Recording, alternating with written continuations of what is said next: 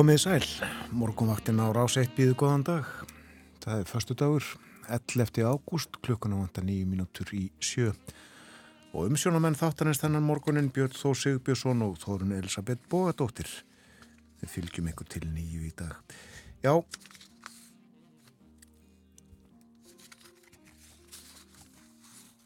Þórun Elisabeth komin úr sumafregi og vera haldin í sumarfrí. Góðan dag. Góðan dag. Við hugum að veðrinu, hattum við hvernig viðræði á landsmenn fyrir 50 mínútum klukkan 6 og uh, þá var góður hlustendur 15 steg að hitti í Reykjavík. Já, uh, umsjónamaður fann eiginlega ekki mun á hitta þegar hann stegi út úr húsi sinu í morgun. 15 gráður, það er tölvert. Skíjað hins vegar og hægur vindur, norðaustan tveir. Nýju steg að hitti á Kvanneri og 5 metrar þar, svipaveður í stikisólmi, skíjað, nýju steg að hitti, 4 metrar. 10 gráður bæði á Patrísfyrði og í Bólungavík, 8 steg að hitti á Holmavík, 5 gráður á Blönduósi, 7 steg að hitti á Söðanesvita, 6 gráður á Akureyri, allskíjað þar, vestan 2 metrar, Logna á Húsavík, 60 hitti og 60 hitti líka á Rauvarhöfn, næstum því logn þar, 1 metri. Hægur vindur á Östurlandinu, 70 hitti bæði á Skeltingstöðum og á Eilstöðum, allskíjað á Eilstöðum, 12 gráður á höfni Hortnafyrði og 11 steg hitti á Kvískerjum, 10 gráður á Kirkjubæðaklustri, 11 steg að hitti á Stórhauða í Vesmanegum. Það er stormur, austan 22, fór í 26 metra í mestu kviðu. 12 steg að hitti í Árnesi og 5 metrar þar. Og aðeins upp á Hálendi, 3 steg að hitti á Sandbúðum, 5 gráður við Káranhjúka og 8 steg í Veiðvatnarhaunni, svona viðræði klukkan 6. En hvernig eru horfurna fyrir daginn í dag, Þórun? Það má gera ráð fyrir því að það verði áfram uh, kvast allra síðst á landinu eins og þú varst að lýsa. Alltaf 25 metrar á sekundu fram á kvöld en spáinn hljómar svona.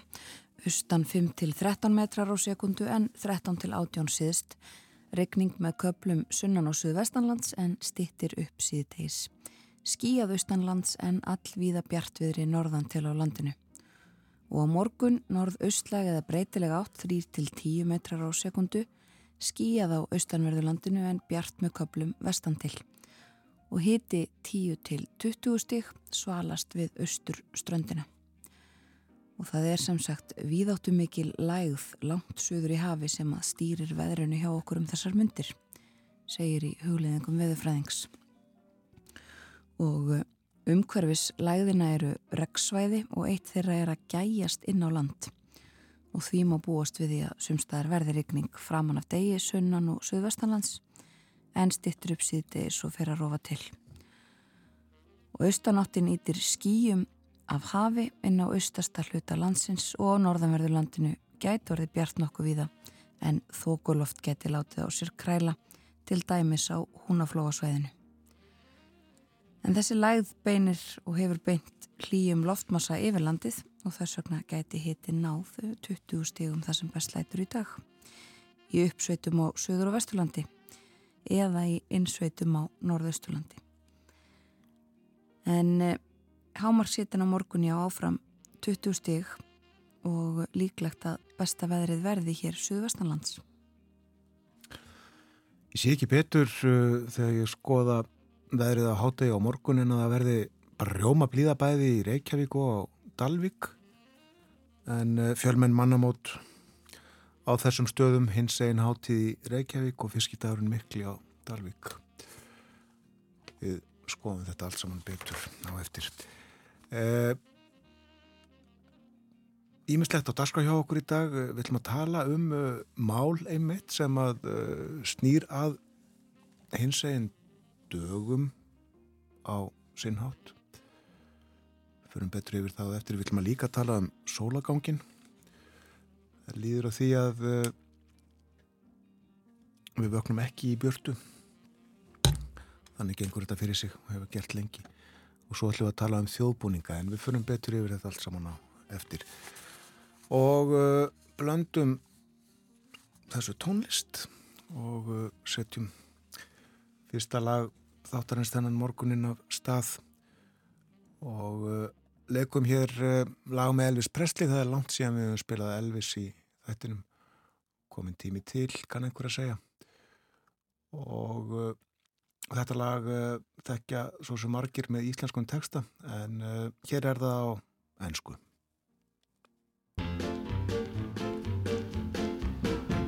you swing down, sweet chariot, stop and let me ride? Swing down, chariot, stop and let me ride. Rock me, Lord, rock me, Lord, come and easy will. I got home on the other side. Swing down, sweet chariot, stop and let me ride. Swing down, chariot,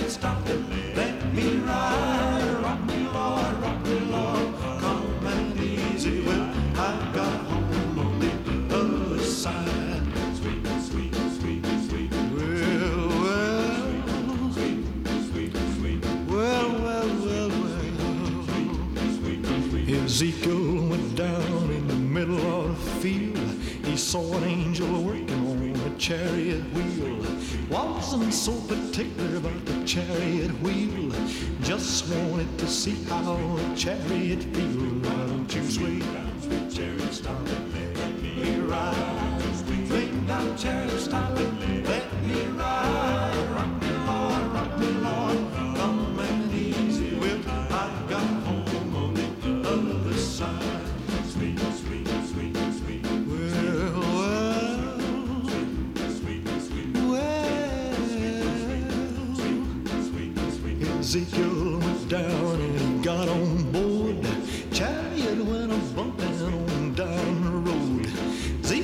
so particular about the bumping of the road.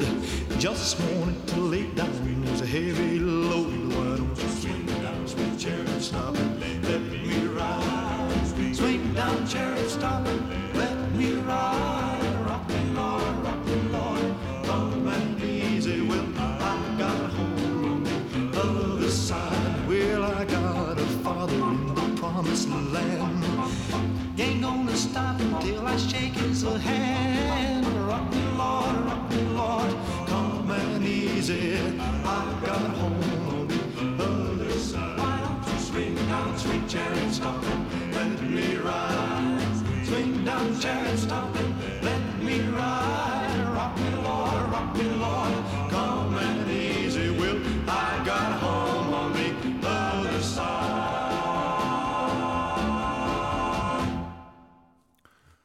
Þetta var Elvis, Swing Down Sweet Chariot söngan.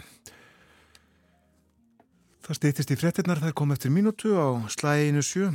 Við förum ítalega yfir dagskrá morgunvaktarinnar eftir frettir, lítum í blöð, innlend og erlend og ímislegt fleira en uh, sækjum okkur nú aðeins meira kaffi í bollana.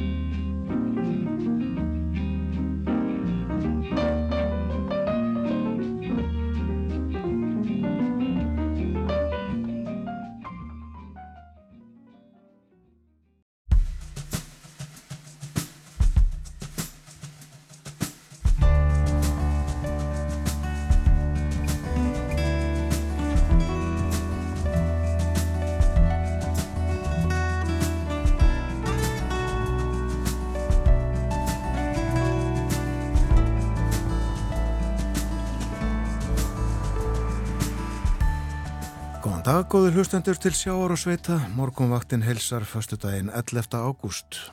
Umsjónamenn þáttarins eru Björn Þór Sigbjörnsson og Þórun Elisabeth Bóðadóttir. Hins egin dagar hófust á þriðu daginn og standa til sunnudags.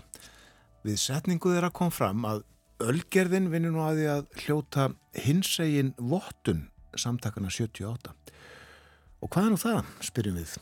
Og fáum svar upp úr halv átta. Daniel E. Arnarsson Frankandastjóri samtakana segir okkur frá hins egin vottun. Talsvert er liðið á sumarið og sen kemur haustið. Dagurinn stittist um nokkrar mínútur á hverjum sólarhingnum sem líður. En vöknum við þó í björtu og njótum byrtu nokkuð fram á kvöldið. Við ætlum að hress upp á þekkingu okkar á sólarganginum með Sævari Helga Braga sinni sem kann þau fræði upp á tíu. Og svo ætlum við að tala um þjóðbúninga, áhuga fólk og fræðimenn frá Norðurlöndunum sitja nú norrænt þjóðbúningaþing í Reykjóldi í Borgafyrði. Kristín Vala Breiðfjörð, formaður heimiliðs yðnaðarfélags Íslands er auðvitað þar. Hún hafi veg og vandað skipulagningu. Við heyrum í henni upp úr hálf nýju. Og við lítum til veðurs. Það er austanátt á landinu, 5-13 metrar á sekundu víða en 13-18 síðst. Regning með köplum sunnan og suðvestanlands en stittur upp síðdeis. Og skíjað austanlands en allvíða bjartviðri norðan til á landinu. Á morgun lögadag norðaustlega eða breytilega 8-3-10 metrar á sekundu. Skíjað á austanverðu landinu en bjart með köplum vestan til og hitin 10-20 stig svalast við austurströndina. Á sunnudag verður svo hæg norðulega eða breytilega 8 og víða létt skíjað en áfram skíjað austanlands framann af degi og hitin breytist lítið. Það er uh, þegar við letum yfir kortið útlitt fyrir afskaplega fínt veður viða um land uh, um helgina. Það uh, verður sól og blíða sérstaklega suðvestanlands og á svona vestur helmingi landsins má segja á morgun og hlýtt annar staðar þó að sólar njóti ekki og á sunnudag sól líka mjög víða um landið. Alltaf 22 steg að hitti sínist mér svona inn til landsins á sunnudags eftirmiddag 22 steg að hitti og nánast lokn í Árnesi setnipartin á sunnudag. Og ágættis veður svo fyrstu daga næstu viku. En það er lægð við áttum ekki lægð enga sigur sem að stýrir veðrunu núna og skýrir þetta kvassviðri sem að er allra sýst á landinu og verður framöndu kvöld og veðrið þannig að það getur verið varasamt fyrir vegfærandur með aftan í vagna eða á aukutækjum sem taka á sig mikinn vind að vera á ferðinni síðust á landinu fram eftir degi. Aðeins að sólaganginum sem að verður með til umfjöldunar hér hjá okkur eftir umtabil klukkustund þegar Sæður Helgi Bragason kemur til okkar, jarfræðingur og stjórnufræðikennari. Sólar upprás var í Reykjavík rétt upp úr fimm í morgun og sólarlag verður löst fyrir tíu í kvöld. Á Rauvarhöfn hins vegar kom sólin upp um það byrj 45 mínútum fyrr þegar klukkan var 20 mínútur gengin í fimm en uh, sólarlag verður í kvöld á um það byrj sama tíma þar og í Reykjavík uh, rétt fyrir tíu. Og uh, raunar er þetta með ymsum hætti eins og við höfum stundum rekið okkur á þegar við höfum farið yfir þetta hér á morgunvaktinni. En við höldum hérna sem sagt örnámskeið í þessum fræðum á eftir Nú, uh, við lítum í blöðin, uh, blaðið, forsýðu morgunblaðsins, uh, já, blöðin, lítum í nokkur Erlend hér á eftir, en forsýðu mynd frétta, morgunblaðsins tekin í kvalfyrði í gerð við kvalstöðuna. Það kom fram í morgunblaðinu einmitt hér fyrri vikunni líklega, frekarinn í lók þeirra síðustu, að allir starfsmenn kval sem að ráðnir voru á vertíðina í sömar, sem ekkert var þó af, þeir heldu vinnunni og uh, hafa verið í alls konar viðhaldi eftir því sem Kristján Loftsson uh, fórstjóri Kvals sagði við morgunblæðið og uh, hér má sjá fjóra starfsmenn að störfum í kvalfyrðinum þeir eru þarna að þrýfa gróður af gangstéttarhöllum með sköfum. Vertíðin í kvalfyrði notuði viðhaldið.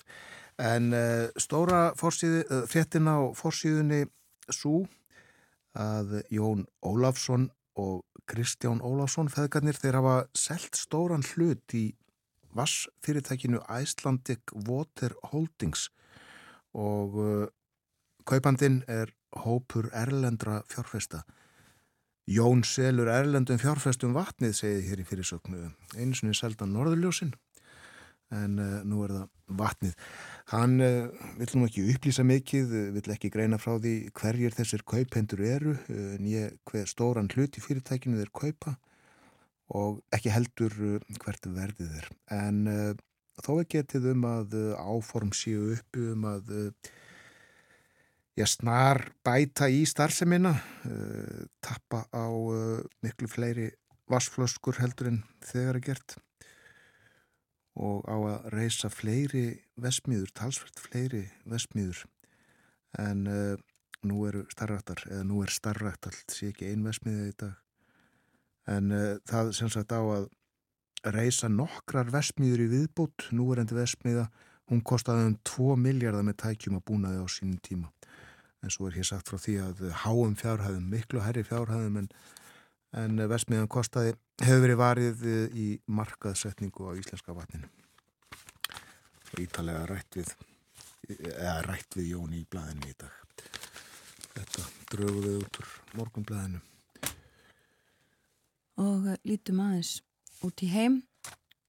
Það eru umfjallanir um, um uh, þessa áframhaldandi umfjallanum um elda á Hawaii á ymsum fórsýðum fréttasíðina 53 nú látnir og enn leitað að fólki uh, þessum miklu eldum sem að þar hafa geysað og uh, líka fjallaðum stöðumála í Úkrænu uh, nýjar eldflöga árásir í, í Saboritsja sem að sagt er frá á, í fréttum nú í morgunsárið og uh, svo er það auðvitað ef við komum hingað nær okkur fjölmilar í, á Norðurlöndunum fjölmarkir með umfjallanir um veðrið uh, þar, hans og afleðingarnar af uh, miklum rygningum ekki síst.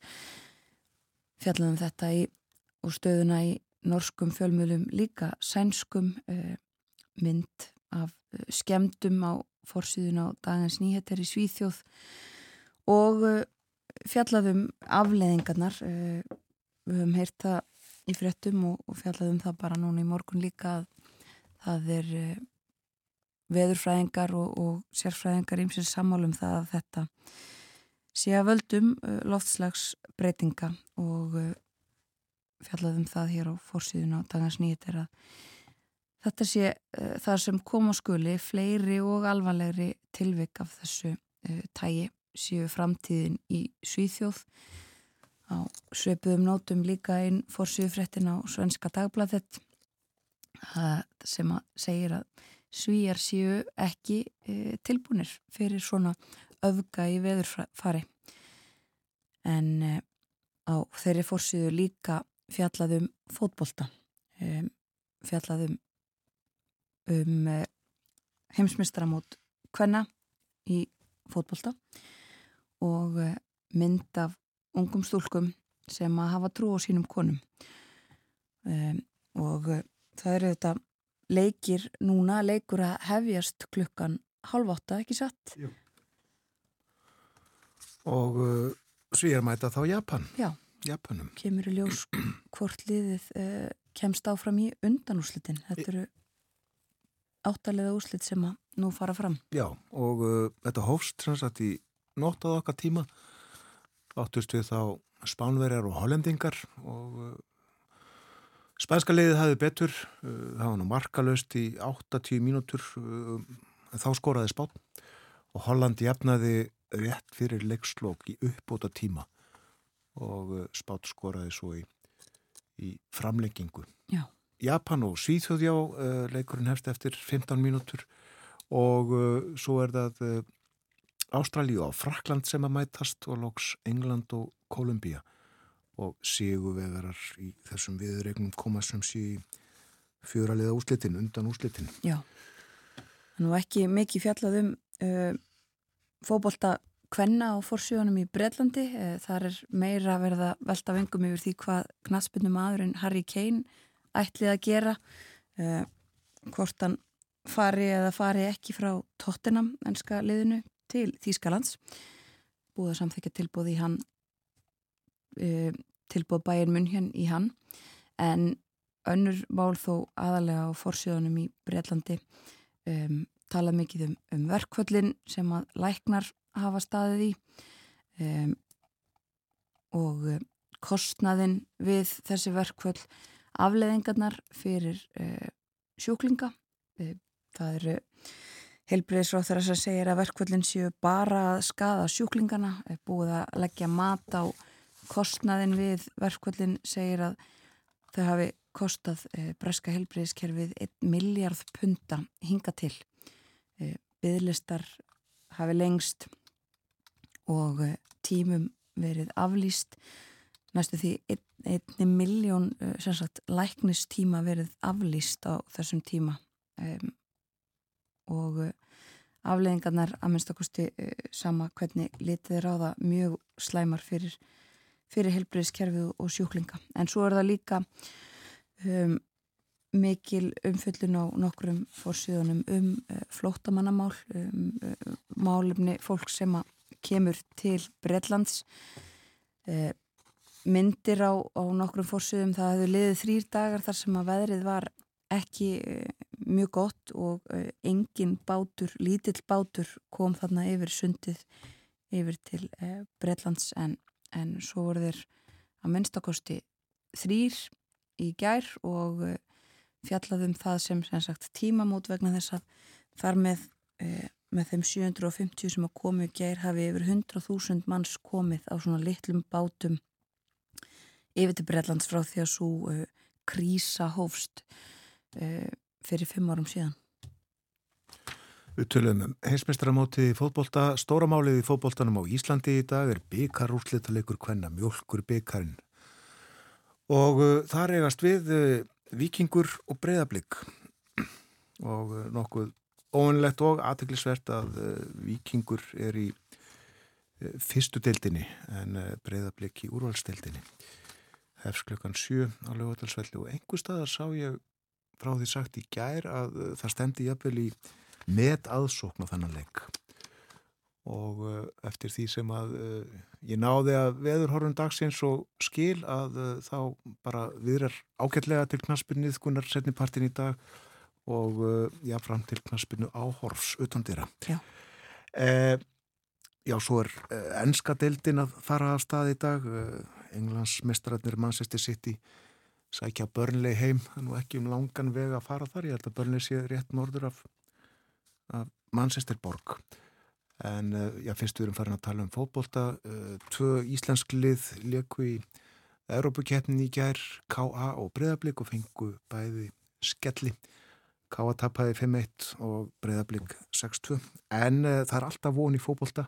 Setni leikinni fara fram í næstu viku á Íslandi Þetta var nú fótboltan er ekki allt talið? Ég held það. Jú. hugum þá aðeins á sögunni. Uh, um þessa mundir er uh, hálföld 50 ár frá því að Östustrætti í Reykjavík var gert að gungugut þetta var um tilraun átti að standa í tvo mánuði fyrstum sinn. Og fyrri mánuðin áttu strætisvagnar að fá að aka um Östustrættið en svo átti að breyta, breyta axtusleiðum vagnana. Og það var auðvitað heilmikið um þetta í fjallaðu í, í blöðunum á sín tíma Östustræti breytur um svipmót, saði morgunblæðið í mikillum fjöllun. Já, eh, næstu tvo mánuði verður þar framkvæmt tilraun sem gerð hefur verið í stórborgum Erlendis götum breytti göngugötur og frá og með miðinætti verður öll umferð bílabönnuð í Östustræti. Tilraun þessi hefur þann tilgang eins og borgarstjórnir Reykjavík, Birgir Íslefur Gunnarsson saði við talvið morgunblæði að gera borgina manneskjulegri og skapa fallegri og betri borg. Eftir þessa tilrunni verður það svo metið hvort ráðlegt sé að halda þessu umferðabanni bíla áfram. Morgunblæði rætti nú í vikunni við Ímsa aðila, kaupminn og fleiri í östustræti og spurði þá álits á tilrauninni. Yfirleitt voru allir fylgjandi því að hún er í gerð. Þótt eftir vill hafi komið í ljósa sumi síu smeikir um árangurinn.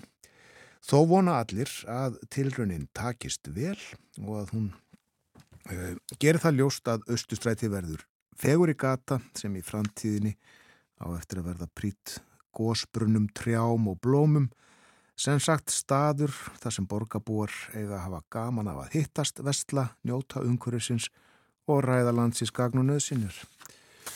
Það var líka skrifað þetta í staksteinum, það var svona skensdálkur í blæðinu.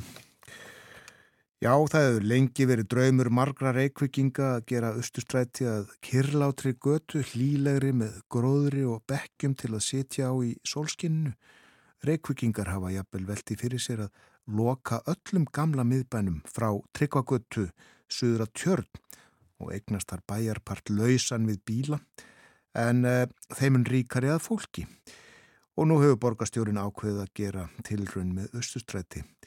Þegar tilrun þessi var til umræðu í borgaráði kom í ljósað fulltrúið framsóknarflokksins þar að þau gett sér ferniður í austustræti að telja bílastæðin og vopnaður Fjölda þeirra let hann bóka tortrykni sína, bílastæðin í austustræti vóu þingra hjá honum en þörf reykvikinga fyrir kyrlátt stræti. Nú, uh, svo var austustrætinu lokað og uh, fólk gekk um það og vísir fór á stúana og uh, hitti fólk þar í göttunni og meðal annars Tómas Guðmundsson skáld og hann saði ég vona að fólk eigi eftir að eiga stefnumót og trúlofa sig í östustrætinu eftir þessa breytingu eins og það gerði hérna í gamla daga.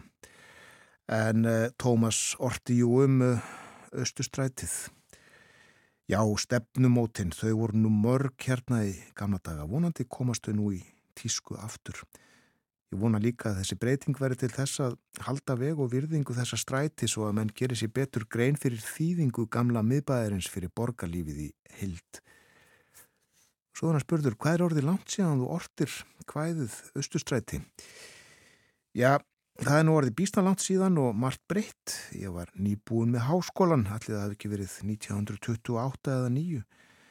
Ég er nú ekkit farin að hugsa fyrir nýju hvaðið um austustræti en hver veit... Og uh, svo var spjallað við lauruglu þjón nr. 126, hann var á vakt í austustrætinu og uh, saðist að það var lítið að gera. Ég kom á vakt klukkan 6 í morgun og þetta er óskubrólegt, mér líst vel á þessa breytingu og hún hefði mátt vera komin í gang fyrir lungu. Og uh, svo var rætt hérna við uh, vekkfaranda á leiðinni Eymundsson, ætli þetta verði ekki kallað Jakobsens búluvart eða útsýnar gata, saði sá og uh, svo að tala við annan og sásaði, mér líst ekkit á þetta, það vantar alveg sólskinnið. Það ringdi ég á þennan dag, en þrátt fyrir súld og sóla leysi, þá fjölgaði fólki stöðut í göttunni og uh, segir í frétt, vísis fram að við landsbankan stendur maður, mertur stopnuninni og fylgis með lífinu. Já, þetta á áreðanlega eftir að ganga vel, að minnstakosti vona ég að loftið verði betra hérna í göttunni. En ég er nú ekkit vissum að þetta auki viðskiptin við bankan bætið hann við. Og á uh, bekkjum setja östustrætis dætur og fylgjast með vekkfarendum. Tvær sýstur verða á vegi okkar við postustrætið. Ég heiti Ingi Björg og þetta er dagný sýsti mín, segi svo eldri. Okkur finnst ægilega gaman hérna. Nú þarf maður ekkert vera hrættu við bílana. Og uh, máli var til umfjöllunar í leiðaravísi sem að uh, mertur HH. Ég rekna með að þetta hefði verið Haugur Helgason sem að heldum penna manneskjan í öndu eifar. Fyrir sögnin, margir letu rigningar suttan ekki aftra sér og tiltu sér á bekki austustræti í ger. Fleiri fengu sér stuttan göngutúr og hugsuðu til ánægulegri stunda í framtíðin í betra veðri. Þarna er manneskjan að eignast vinn afdrepp mitt í alveldi vélar og steins og uh, áfram helt frumkvæði borgastjórans í Reykjavík er lofsvert. Þetta er rétt stefna, áfram ber að halda hvar sem kostur er þegar tilraunin með austurstræti hefur tekist á að skapa manneskjunum fleiri vinjar. Stefna ber að því að bankastræti og laugavögur verði göngugutur og þessa stefnu ber einnig að færa út á öðrum sviðum. Við megum ekki láta vélarnar ríkja yfir okkur á öllum sviðum borgarmála og fjóðmála á það að verða aðista takmarkið að manneskjan skipi öndvið. Um uh, tilraunina um Östustræti í Reykjavík sem göngugötu þetta var í ágúst 1973. Svo hefur þetta breyst og þessu hefur verið breytt aftur og enn aftur. Og hluti lögavegar auðvitað gangugata í dag og hefur verið og fólk hefur að þessu alls konar skoðanir. Já, en þetta er ekki alveg svona algilt núna, það er svona sumir bílar fá að akka um svona breytum akstur stefnu líka á lögaveginum eh, veit ekki reynlega hvernig það stendur núna. Nei, ég kann þetta ekki alveg nógu vel. Nei, en allavega ætti sólina skína þó náu nú kannski ekki alltaf einmitt niður í austustrætið að þá verður fínasta veður á morgun og væntanlega tróðfullt af fólki. Þá eh, er hápunturinn á hinsegin dögum, gleði gangan. Og uh, hún fer, er nú farin að fara frá Hallgrímskirkju síðustu ár og uh, þannig verður það. Klukkan tvö. Býður ekki eftir neinum segir hér um, það verður gengið eftir skólaverustíð, bankastræti lækjargötu, fríkirkjuvegi og endað uh, á skotthúsvegi við hljómskólagarðin og þar taka við svo glæsilegir úti tónleikar að göngunni lókinni og á að vera sól og blíða í meðborg Reykjavíkur á morgun. Það verður líka gott viður á Dalvik á morgun, fiskidagurinn mikli, uh, þetta er nú ekki bundið við einn dag, ekki frekar en hins eginn hátíðin, uh, held að það er nú byrjað bara mándag eða þriðudag, Já. strax í framhaldi að Vestlunamanna helginni og uh, Dalvik hingar margir yfir pottunum í gær og í dag, það er þessi súpudagur í dag, þar sem að fólk getur fæðið á milli heimila og fengið að bræða á fiskisúpu en uh, tónleikarnir stóru og glæsilegu svo á morgun. Náum að vera víða um landið Við förum að hleypa frettastofunni að. Kemur á því, yfirleitt morgun fretta á dagskráni á slæginu halv átta.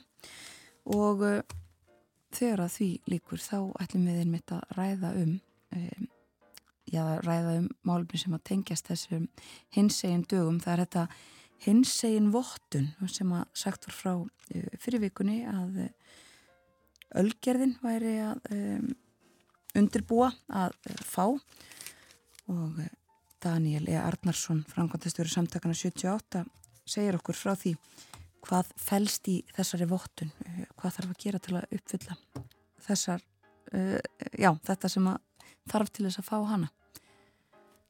Svo eru það sólagangurinn og þjóðbúningar.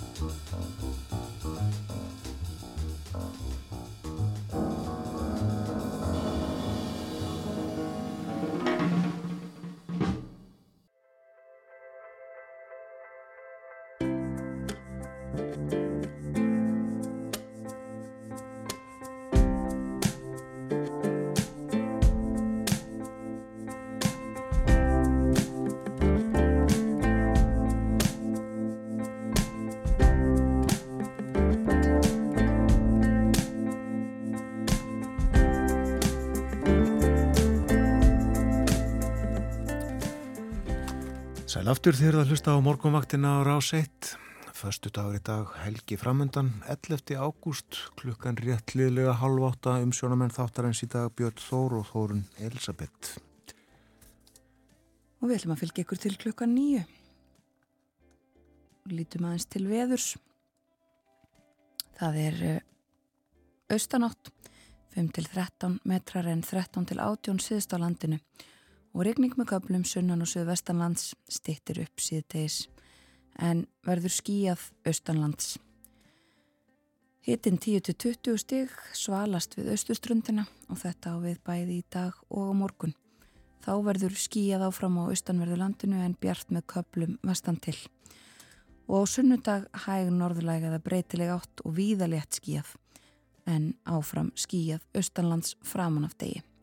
Og hittin breytist lítið og uh, svoleiðis verða líka á mánudag og þriðudag Hittin að 18 til 20 stegum á mánudaginn verður fínasta veður hæg breytileg átt og víða þurft og bjart.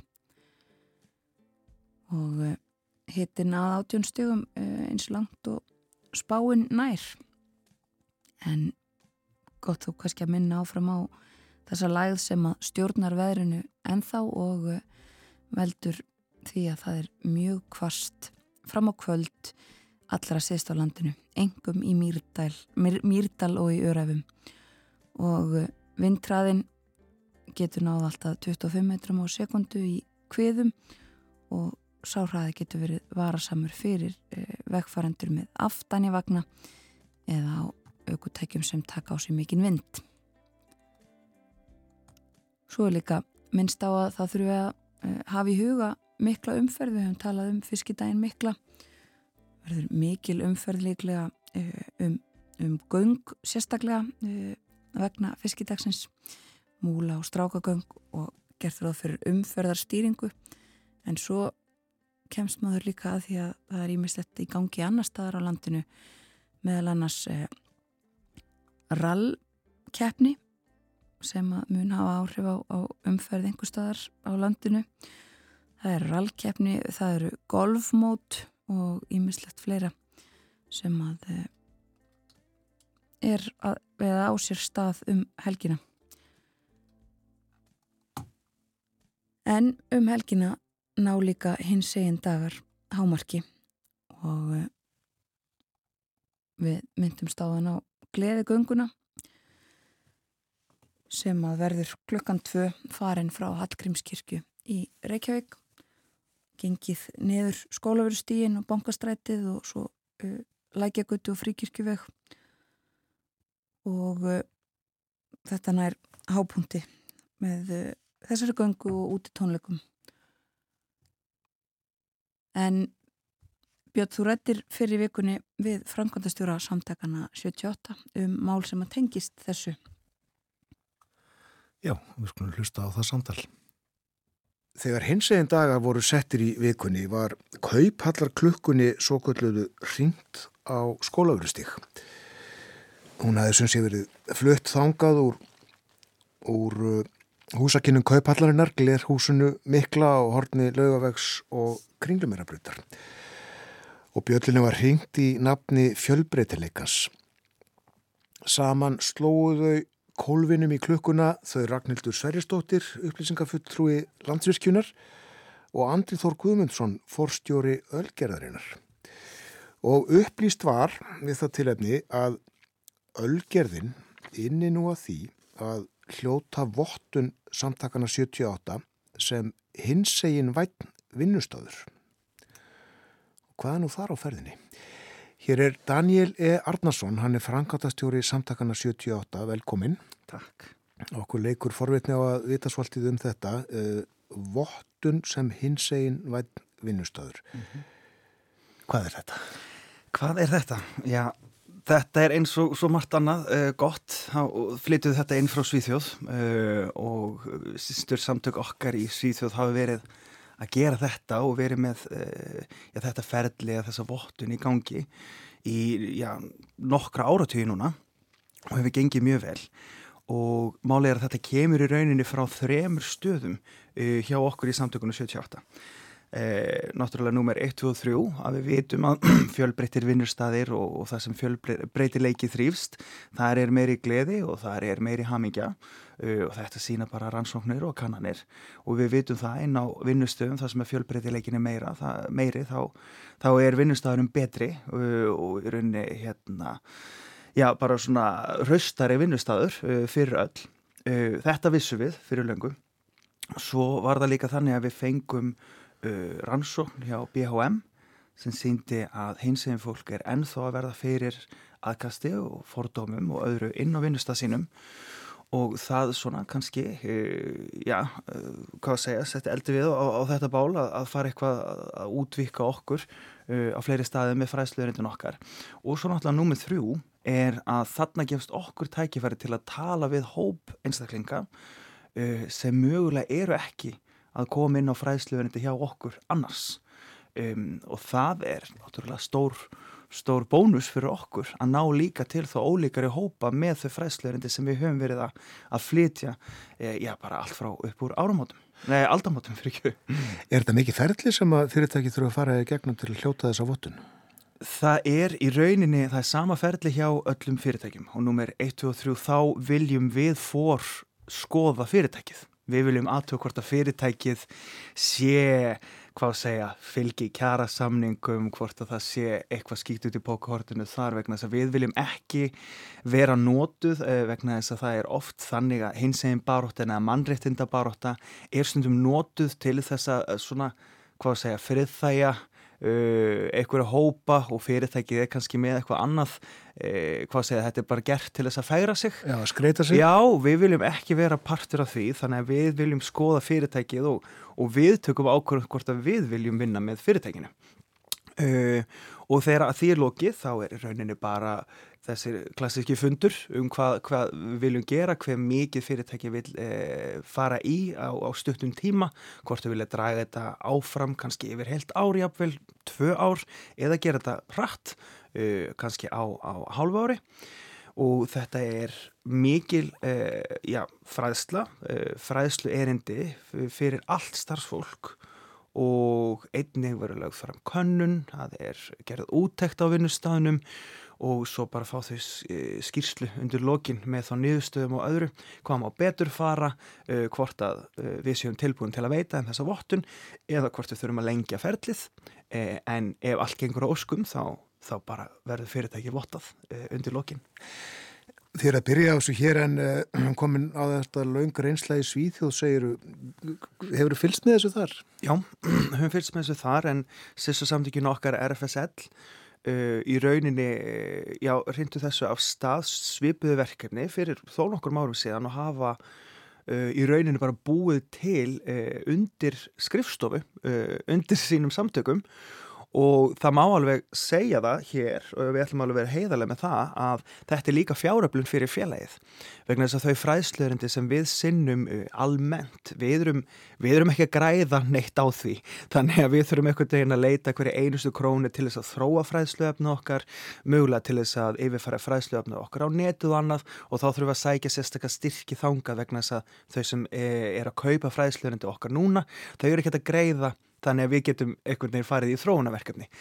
Þannig að við viðkjöndum það alveg að þetta verkefni er hugsað líka til þess að við getum farið í frekari þróunarverkefni með fræðslu, bara fræðslu starfið okkar um, og þá eru fyrirtekinni raunin að koma inn með fjáramenni sem við munum, já, já veita, í, í, í aukina fræðslu í rauninni. Þetta, bara, þetta er einhvern veginn svona spíral, sko og sá háttur hafður á í Svíþjóð segir þú. Já, og, er, og þau eru heiðarlega með það að fræðslefndir sem þau kom með inn í skóla eða til velferðarþjónustunnar, til einstaklingar sem vinna með börnum eða annað, þau eru í rauninni bara að borga eins og hérna á Íslandi algjör hérna grunn en svo fyrirtækin eh, greiða meira og já. Eru dæmið um það að, veistu það, fyrirtæki hafi farið í þetta ferli í Svíþjóð en, en ekki náð, ekki hloti vottunum það er, það er dæmið það já. En í rauninu þá er það ekki þannig að, að þú ákveður að fara í þetta ferli og, og uh, já hvað segja annarkvortu nærðu eða ekki.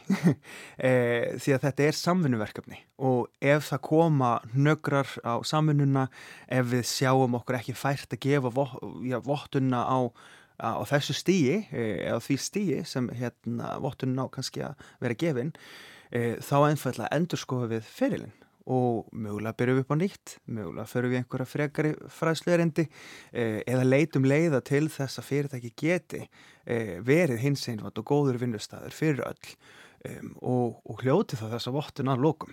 En það eru dæmum það að fyrirtæki hafa byrjað í þessu ferli og, og svo bara hætt í miðurferlinu og það er allt í góðu mögulega var ekki réttu tími á þessu, þessu stigi eh, og þá er bara hægt að leita til okkar síðan líka en það hefur nú ekki gerst hérna hjá okkur en þó kannski ekki komin mikið reynsla á það Segðu okkur Daniel aðeins frá þessari konum BHM eh, sem að síndi fram að, að eh, hins eginn fólk verið fyrir aðkasti og fordómum mm -hmm. í mhm. vinninni Já, þetta er rannsókn sem var gerð einmitt af uh, BHM uh, ASI var inn í þessu líka og, og BSRB og BHM vinnur nú að loka skýrslu í, í þessum segja, þryggja fasa könnun sem, sem hérna, þetta verkefni var í. Og, en í einu fasa á könnuninu þá var í rauninu bara verið að spyrja um líðan á vinnustaf og það kom okkur gríðarlega óvart að sjá að, að það er ekki einu sinni helmingur uh, hinsegin fólks opið með sinn hinsegin leika á vinnustanum og ég meina við verjum miklum tíma í vinnunni, við eigum kollega og vini og bara okkar líf er, er mikið tengt vinnunni hjá mörgum einstaklingum, þannig að þetta kom virkilega óvart að ekki einu sinni helmingur hinsegin fólks er opið um sinn hinseginleika. Og þá viljum við líka vita af hverju eh, er vinnustæðurinn ekki tilbúin til þess að einstaklingurinn sé opið með sinn hinseginleika, er einfallega ekki gert ráð fyrir honum inn á vinnustanum eða er þetta eitthvað vanliðan inn, hjá, hjá einstaklingnum sjálfum. Það, ég held að séu margir eh, mörg svörökkurnegin við þessari spurningu en, en þetta líka var til þess að við hugsaum við þurfum þá mögulega að sinna vinnustöðum og, og fyrirtækjum betur því að það er líka ekkert launangamála að við höfum ekki mikið verið inn á þeim markaði síðustu árin en höfum verið að heimsækja fleiri fyrirtæki núna síðustu miseri. En hvað heldur að fari fram? Er þetta eitthvað sem er hugsað mögulega sem eitthvað góðlátlegt grín eða er þetta reyn ilska sem að mæti fólki? Ég, ég er nú þannig gerður að, að ég, vil ekki, ég vil ekki halda það að fólk vilja vera vonda því það vil vera vond. Ég held að það sé alltaf einhvað annað ápaki.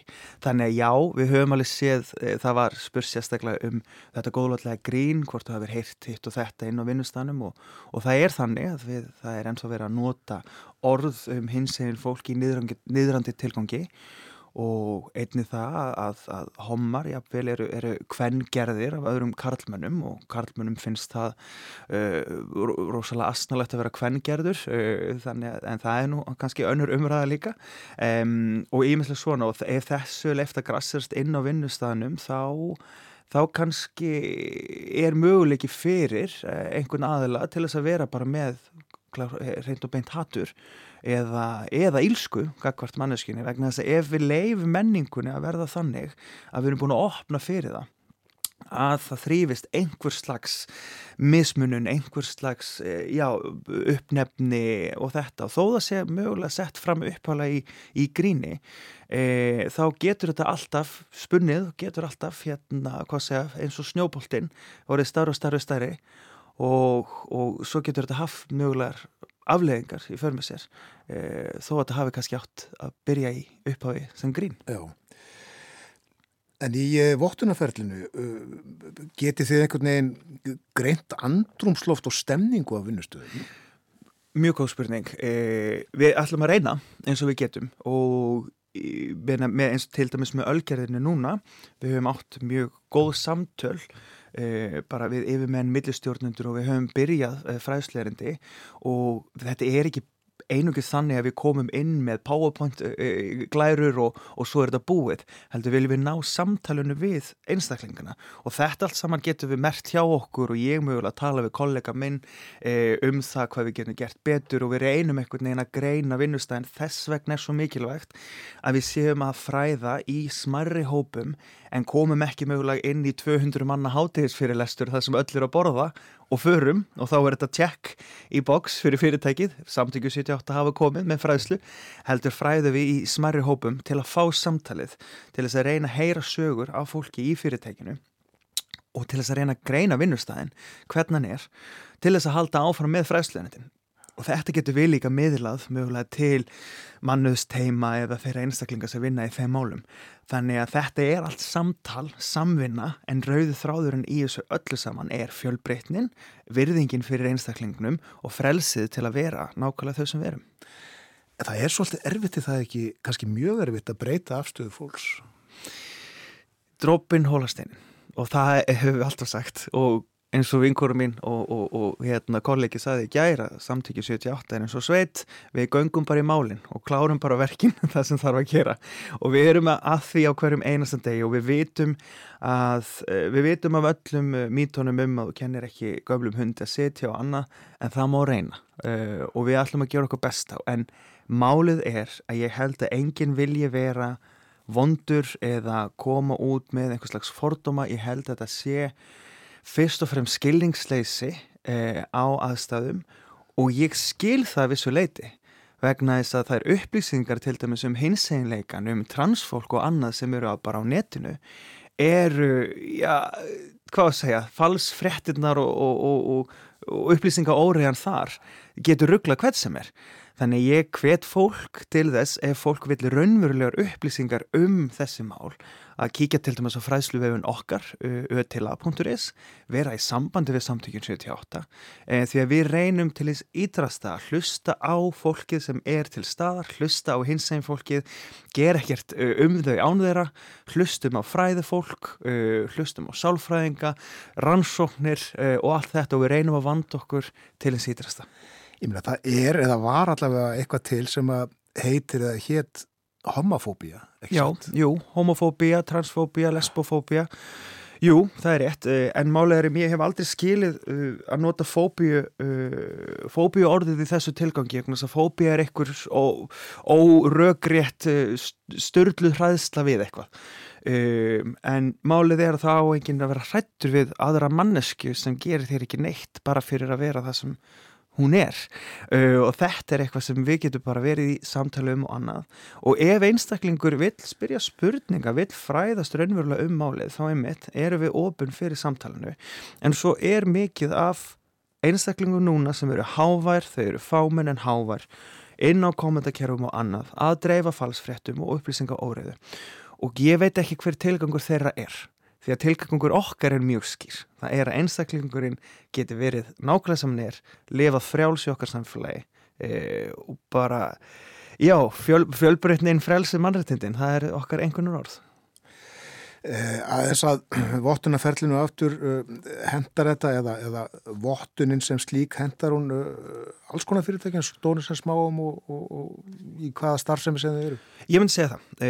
Ég held að hvert einasta fyrirtæki eða hver einasta vinnustöður geti vel komið til okkar og, og allavega hafið samtal en það er í rauninni, það er upplýsinga vefur, bara inn á vefnum okkar samtingu78.is það er hægt að finna þetta undir hins einn vottun og þar er hægt að lesa ferli, hvernig ferli lítur út og fyrst og fremst þá, þá mögulega getur fólk uh, já, vita nákvæmlega hvað er að opna á samtalið. Og það er hægt að óska eftir fundi við okkur og, og við tökum að það þannig að fólk veit nákvæmlega um hvað ferlið snýst. Um, þannig að það er stundum óþægilegt þegar maður mætur á fund með fólki og, og þá veit það ekki alveg í rauninni hvað, hvað þau eru að byggjum þannig að við hvetjum fólk til þess að lesa þessa upplýsingarsíðu uh, áður en óskar eftir fundi, það auðveldar mikið. Og þetta snýst ekki bara um að uh, hins eginn fólki á vinnustad líði betur, þetta er stærra í rauninni. Þetta er, þetta er stærra, við erum að reyna að breyta menningu og með því að breyta samfélaginu þá verðum við að breyta þessum smáu keimum samfélagsins og þeirri menningum sem eru þar. Og ég myndi segja vinnustadur, kannski 500 manna vinnustadur, það er heilt samfélag, það er menning. Og við gerum þetta smátt og smátt til þess að breyta samfélaginu en þetta er líka góð leið fyrir okkur í samtökunum 78 til að koma réttum, skýrum upplýsingum á framfari um hins einn eh, réttindi og bara um hins einn fólk almennt. Uh, vegna þess að þegar við förum að googla og annað þá getum við reykist inn á alls konar uh, upplýsingasíður uh, falsfrettur og annað. Þannig það er mjög mikilvægt að réttar og hvað segja raug bara réttrindar og, og, og hérna já, alvöru upplýsingar eru til staða fyrir fólk svo það átti sig almennilega málunum og þetta er gott tækja fyrir okkur líka til að ná til einstaklega á Íslands samfélag í heild mjög langt í að hljóta uh, vottun sem, sem hins segin vænt samfélag? Já, þetta er stór spurning. Eh, ég held að sem samfélag, eh, þá held ég að Íslendingar vilji almennt, eh, fólk sem býr hérna í Íslandi, viljum almennt eh, vera góðu náungan, hafa okkur vel og gera það sem, okkur, sem er rétt. Eh, og það er að öskra ekki á annað fólk fyrir það sem það er. En það er ímislegt sem við leifum okkur í nafni stundum í nafni tjáningafrælsis og stundum uh, notum við ímsar leiðir til þess að spúa okkar eigin fordum og hatri og, og notum þessa skildi eins og ég kalla og það verður ekkert meira í tögunar á mér heldur en einstaklingar sem nota til dæmis trú og trúabröð til þess að berja á hins einn eh, réttundum vegna þess að það er alveg hægt að fara hinn að leiðina og sjá hvað hva trúabröð geta, geta verið falleg fyrir hérna, eh, við erum ekki eh, trúaður sjálfur en, en það er svo óþólandi að sjá hvað fólk er tilbúið til að skíla sér á bakvið til að réttleta einhver slags fordóma, íhaldsemi og annað. Og við búum í samfélagi í dag því miður og bakslæðið er raunverulegt því miður þá búum við í samfélagi í dag það sem að fólk er tilbúinir að leifa börnum uh, að líða illa, uh, jafnvel deyja, uh, heldur hann að breyta sinni heimsmynd um hvernig heimurinn er. Og það er virkilega sorglegt og það er eitthvað sem við viljum, við viljum breyta núna. Gangi ykkur vel með það? Takk. Þakka að kellaði fyrir að vera með okkur hér á morgunvaktinni. Daniel E. Arnarsson, framkvæmtastjóri samtakana 78. Já, þetta var um hinsegin vottun og uh, fleiri tengmál. Daniel Frankóttastjóri samtakana 78 og rétti við morgunvaktina um þessi mál fyrir vikunni. Og eins og við hefum minnst á þá auðvitað á uh, hinsegin dagar hámarki á morgun með gleðugöngu og tónleikum og fleiri stórir viðburðir um, um helgina. Við erum með annað augað á uh, fótbolta. Það er í gangi leikur Japans og Svíþjóðar. Hófst klukkan halv átta fyrir 23 mínútum síðan eða svo uh, og uh, staðan en þá 0-0 þetta er leikur sem að sker úr um það hvort liðið kemst áfram í undan úslitin í fjögra liða úslit á mótinu og uh, leikurinn Sindur hér á Rúf og uh, eh, HM umföllun um, í tengslum við hann líka. Og uh, áfram svo leikir um helgina til þess að skera úr um það hvað, hvaða lið enda í fjóra liða úslitunum en líka leikir hér heima. Eh, myndum stáða snemma í morgun að eh, það er úslítalegur mjölkubyggars kvenna í kvöld. Leikurinn í beitnu útsendingu líka á Rúf á Rúf 2 og allt stefnir í áhörvenda með það var sagt frá því fréttum okkar í gær. Það eru vikingur og breðableik sem að mætast í kvöld í þessum leik. Og já, leikurinn sindur en um, eins og við nefndum líka snemmi morgun uh, útlitt fyrir fínasta veður gott veður til að horfa fókbalta í lögatalunum í kvöld.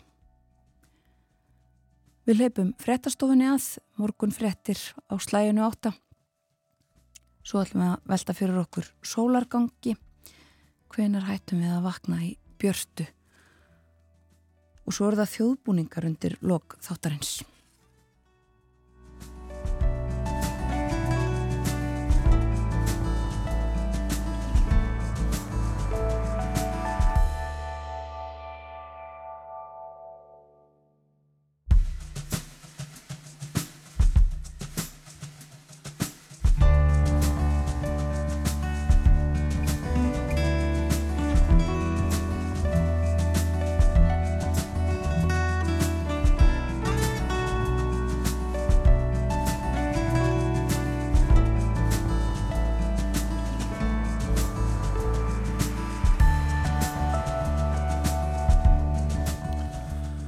Sæl aftur, þetta er morgunvaktin á Rás 1 klukka núna 6 minútur gengin í nýju Umsjónamenn þáttarins þennan morgunin Björn Þó Sigbjörnsson og Þórun Elisabeth Bóadóttir. Það er þastu dagur í dag komin 11. ágúst.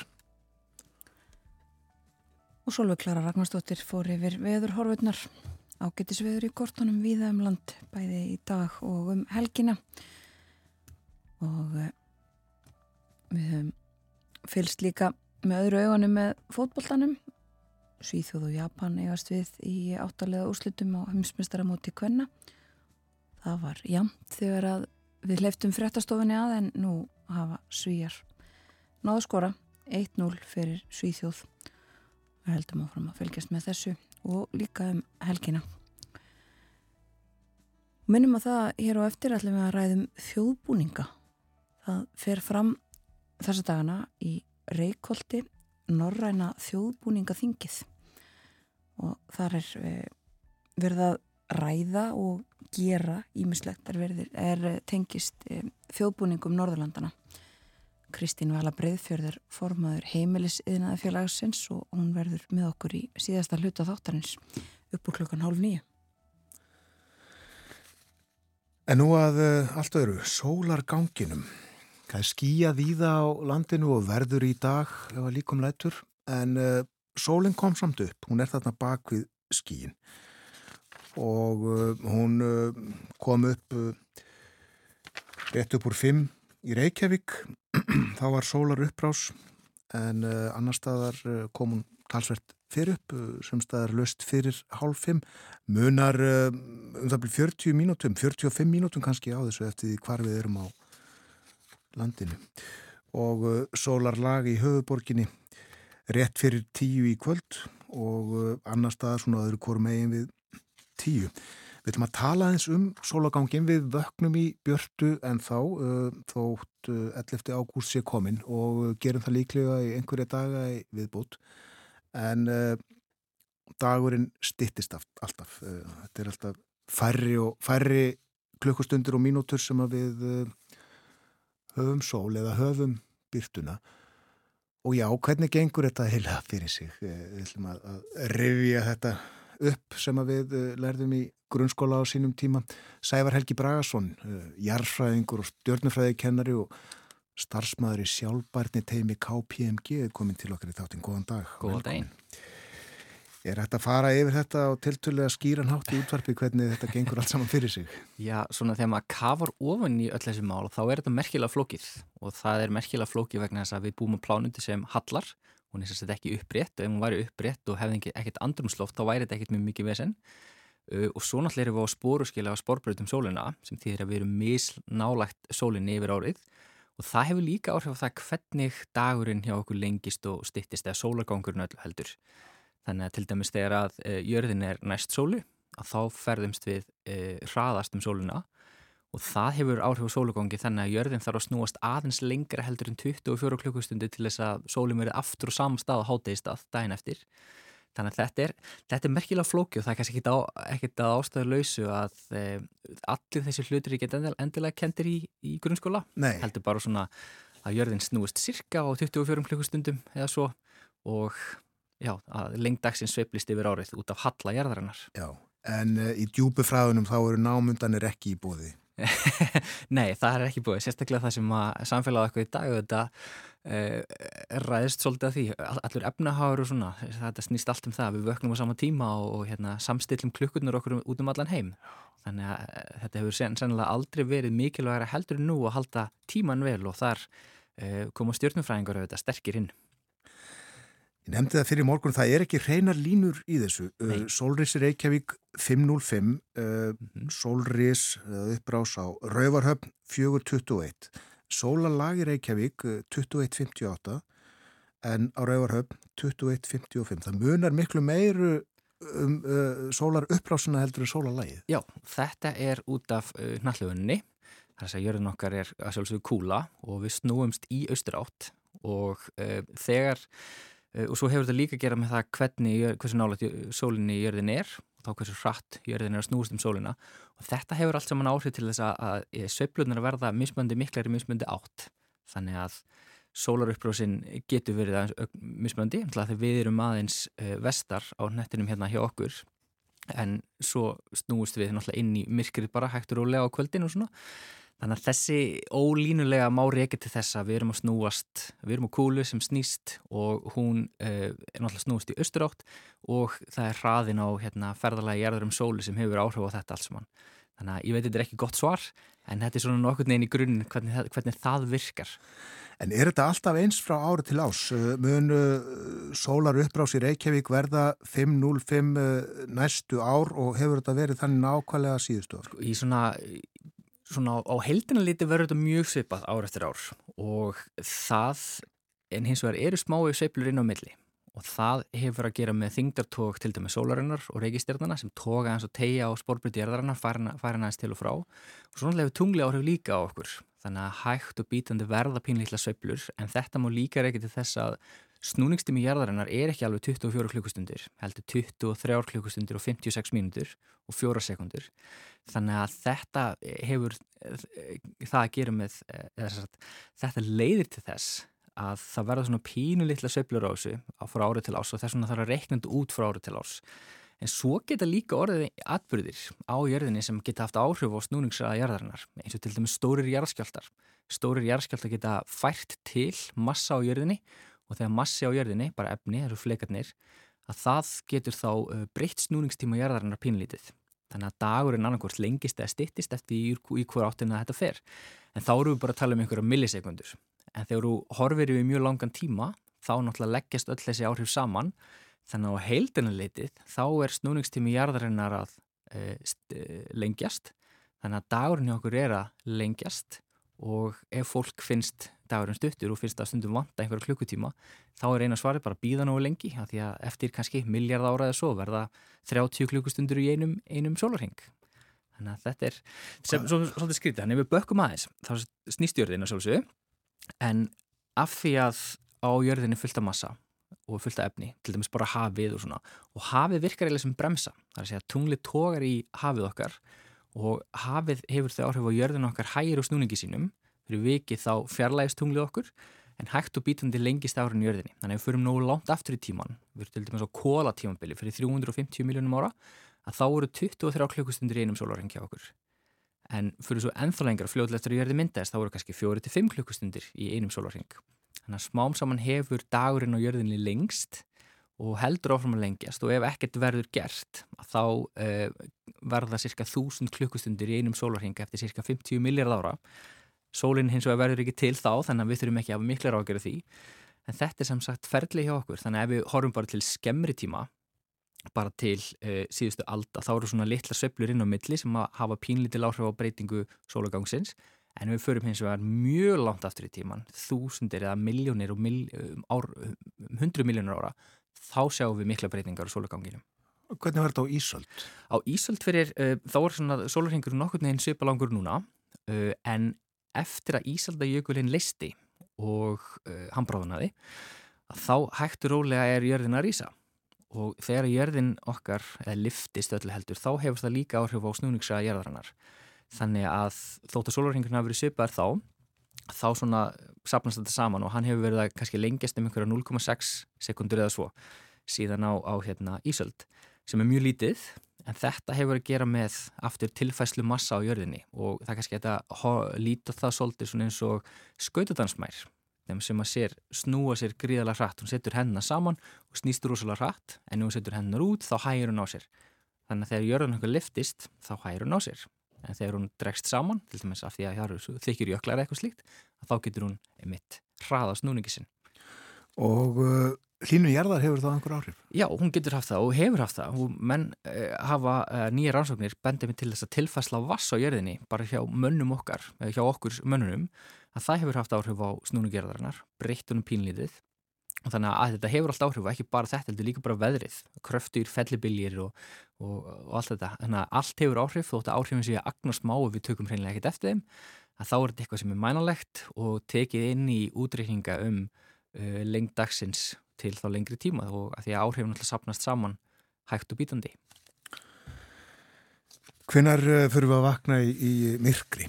Það fyrir náttúrulega eftir í hversu áriðsölfur erum. Þannig að morgun hann er eins og þið, að þið fáðu upplifa það aðeins fyrir heldur en við sem vögnum vögn senna. Þannig að, e, já, ef við horfum bara hérna hjá okkur í Reykjavík þá er það svona í byrjun oktober sem þið ef þið eru að vakna kannski 6 eða koma í klokkan 6 uh, verður það að vakna í myrkri. En það er ögn setna kannski lók oktober sem að svona vennlögt fólk sem vakna kannski 7 fer að vakna almenlega í myrkri. Og það heldur svo bráfram, myrkri verður bara meira og meira og lengur og lengra. Þá getur komið fram í uh, lók februar stöma í mars þá fyrir fólk aftur að vakna í svona aðeins meiri byrtu Já, og uh, uh, það er myrkur líka á hinumendanum Já, á kvöldin. Akkurat.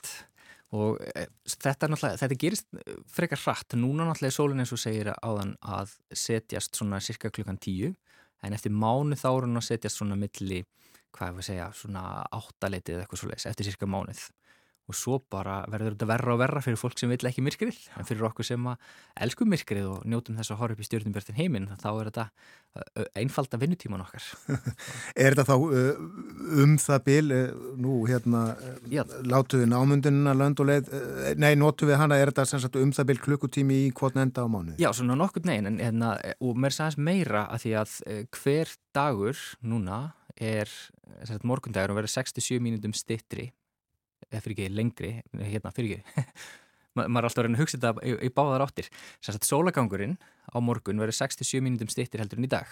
Og það mun halda áfram núna alveg fram í november þá fyrir, fyrir það að stittast, það er að minga hvernig sólagangurinn greppu saman. Og svo náttúrulega snýsta við þá í kringum vetrasólstöður þá eftir vetrasólstöður byrjar þetta eina lengi aftur fyrst um nokkra sekundur, svo nokkra mínútur og svo verður þetta svona 6-7 mínútur aftur þegar þá getur komið fram undir jafndægur. Þannig að þetta er aðeins svona sveiflukent og eins og myndist á það, þetta er ekki alveg svona línulegt og einfalt. Svo uh, hefur fleira áhrif uh, á þetta allt saman uh, bara fjöll til dæmis og það þó að uh, jörðin sé stór og, og sólinn enn stærri og langt, langt, langt í burtu. Akkurat. Það er nefnilega áhugavert að lega landsins, við erum alltaf frekar norðarlega rétt undir heimskautsbögg og það hefur auðvitað áhrif og landslæði sjálft hefur náttúrulega áhrif á það hvena sólinn rýs yfir fjöllinu og svona fólk sem býr í, í dölum eða einhverjum fjörðum þar sem fjöllinu eru að há að það finnur auðvitað vel fyrir þessu og sumir náttúrulega fagna því þegar sólinn byrtist aftur eftir um, kannski nokkur á mánada uh, kvarf þannig að þetta jú hefur allt saman áhrif. Og svo náttúrulega við færum norðan með heimskvöldsbögin að þá er rökkrið til dæmis núna miklu lengri eldur en í okkur. Og nú er bráðum líður að því að heimskvöldinóttum tæki við. Og þá náttúrulega stendur yfir nótt bara mánuðum saman.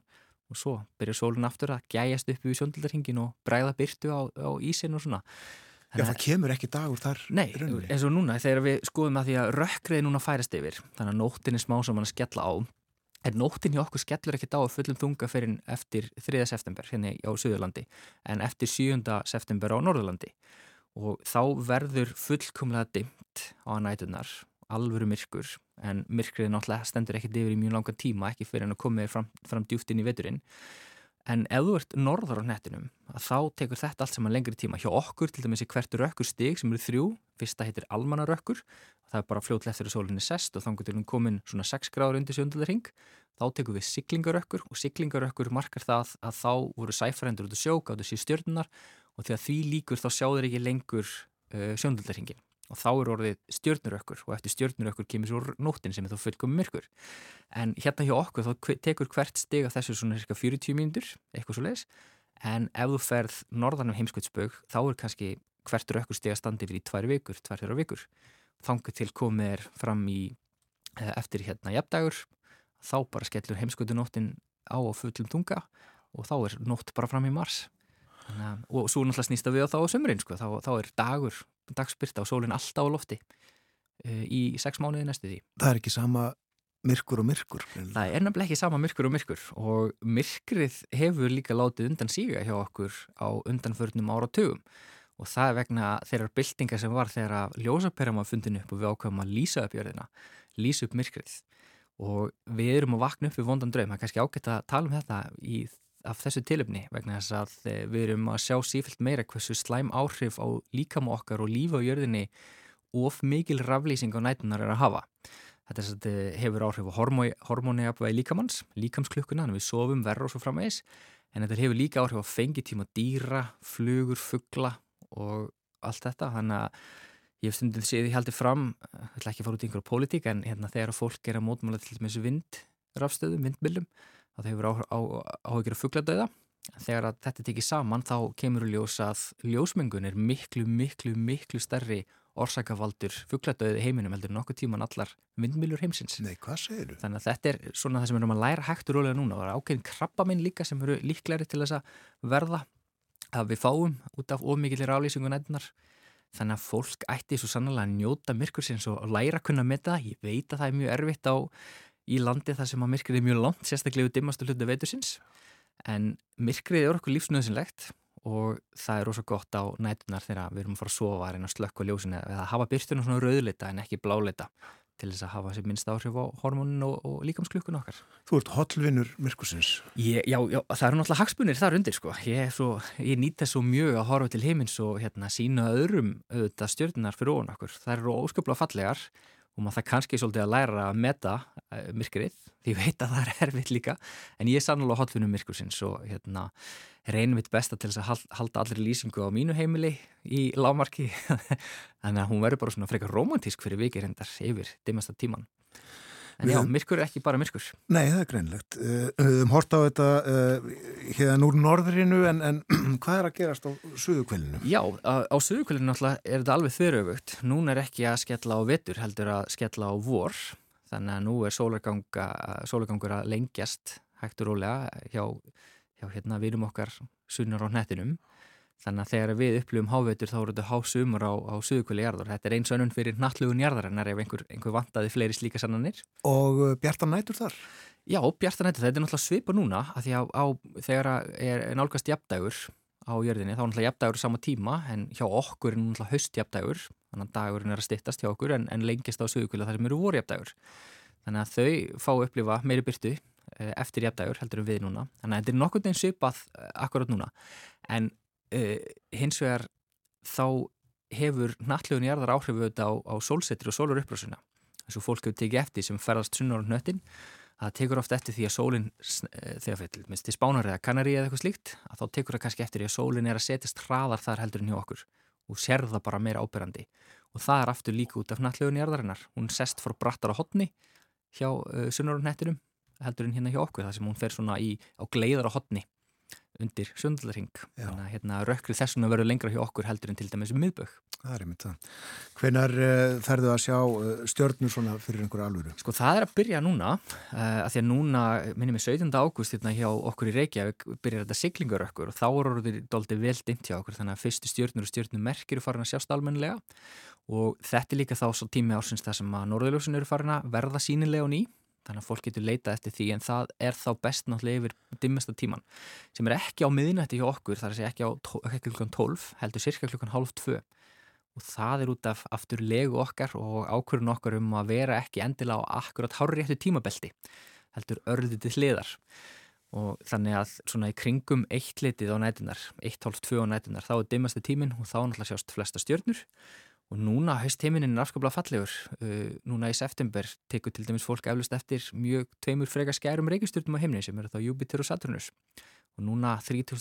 ágúst þá verður fullt tungli annarsinn í þessu mánuði. Þannig að þetta er, hún sem að náttúrulega líka hefur áhrif á myrkra því að fullt tungl er á lofti alla nóttina. Þannig að þegar að verður uh, fullkomlega dimt í byrjun september þá verður ekki fullkomlega dimt þau sé tunglinu sem að senka því þar lendi aðeins. Í hvað áttu ég að horfa til þess að sjá stjórnuna tvær? Uh, Júpiter og Saturnus verða svona á uh, söðurhimni, nokkur neginn í kringum 11 leitið, 12 leitið á, á kvöldin.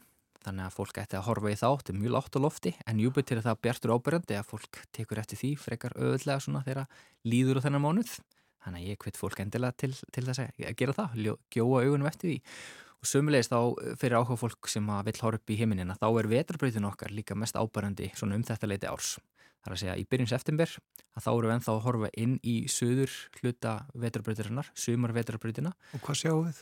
Þá sjáum við svona ríkulegustu uh, myndina af vetrarbreytinni. Ef fólk hefur verið að ferðast sunnar á nöttin, til dæmis til Kanari, þá hveti það til þess eindreið að fara út og skoða heiminin vegna þess að hann er afskaplega glæsilegur þarna. Það er vetrarbreytin hátt á lofti og það er svona sá stað þar sem að uh, hún er hver glæsilegust að sjá og við sjáum þennan hlut þess að þetta er byrjun september í suður átt uh, skömmu eftir sólsettur eftir að koma þér inn í myrkrið Þakkaði kellaði fyrir að vera með okkur í dag hér á morgunvaktinni. Mín er ánægin og ég vona að þetta hafi verið þokkala skiljanlegt. Þetta er flókið að því við búum á netti sem snýst misrætt og já, og hallar. Það er að taka til til margs. Sævar Helgi Bragarsson uh, kvöldið og nóttin hans tími samt. ný,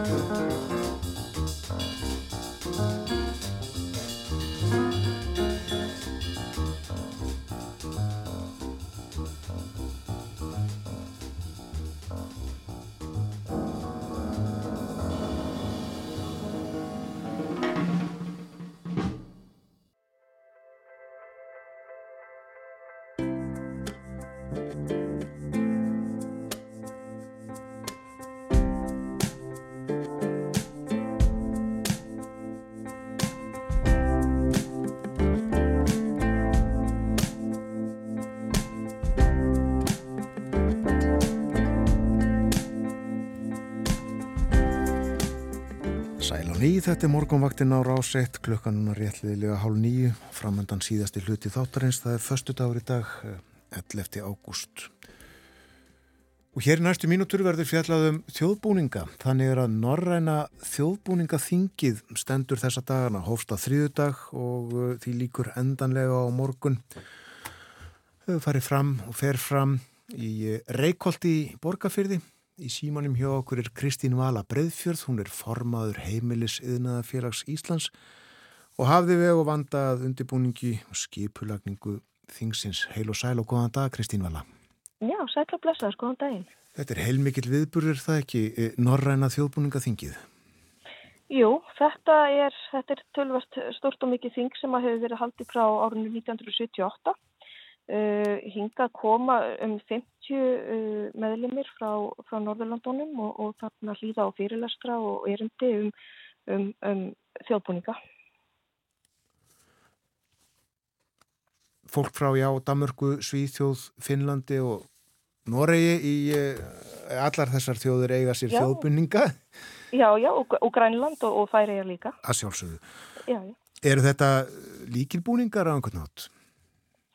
E, að ykkur leiti, jú, um, þeir eiga allir eitthvað, eitthvað sameigilegt en uh, þarna, það sem er þema þingsins í ári eru mitt skreitingar uh, á þjóðbúningum.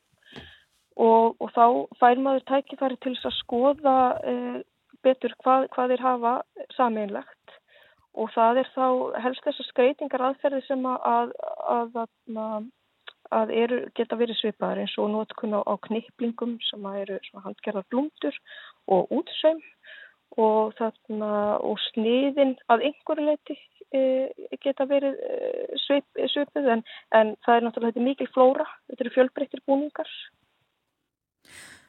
Og þið margsvísari um emitt, e, skreitingarnar, e, hvernig þeim, e, þeir eru líkar og hvernig þeir eru ólíkar og aðferðirnar og allt þetta? Já, þetta er búið að vera mjög áhugavert núna að hlýða þess að fyrirlestra í, í vikunni og þarna að sjá því að oft í þessum skreitingum uh, það, þeir, skrautið er ekki bara til skrauts.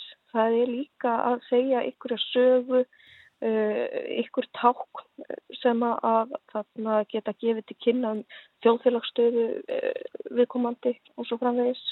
Þannig að e, þetta er mjög, mjög áhugavert efni. Já, okkur þykir hér auðvitað mjög vendum þjóðbúningin okkar og uh, hann er mikið brúkaður í Noregi. E, er það sama upp á teiningnum í Danmörkur, Svíþjóð og Finnlandi, svo Grænlandi og Færiðan líka?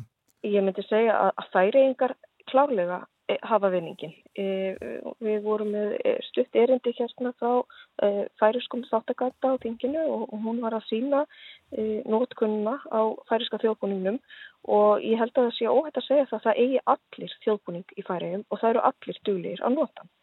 Þannig norðmennar sjálfsögur líka afskaplega duglir að nota sem þjóðbúning en ég held að við mættum öll taka okkur færiðinga til fyrirmyndar. En hvað þá á hinum endanum? Eru, erum við lögust í þessu eða, eða hverjir heldur að það séu?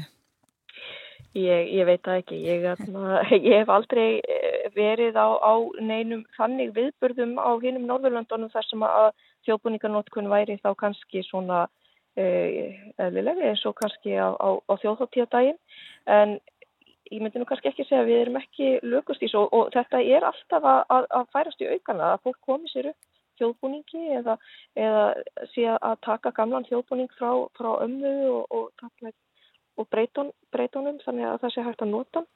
E, þannig að ég myndi segja að, að þjóðbúninganótkun hér á Íslandi er, er klálega að aukast. Já.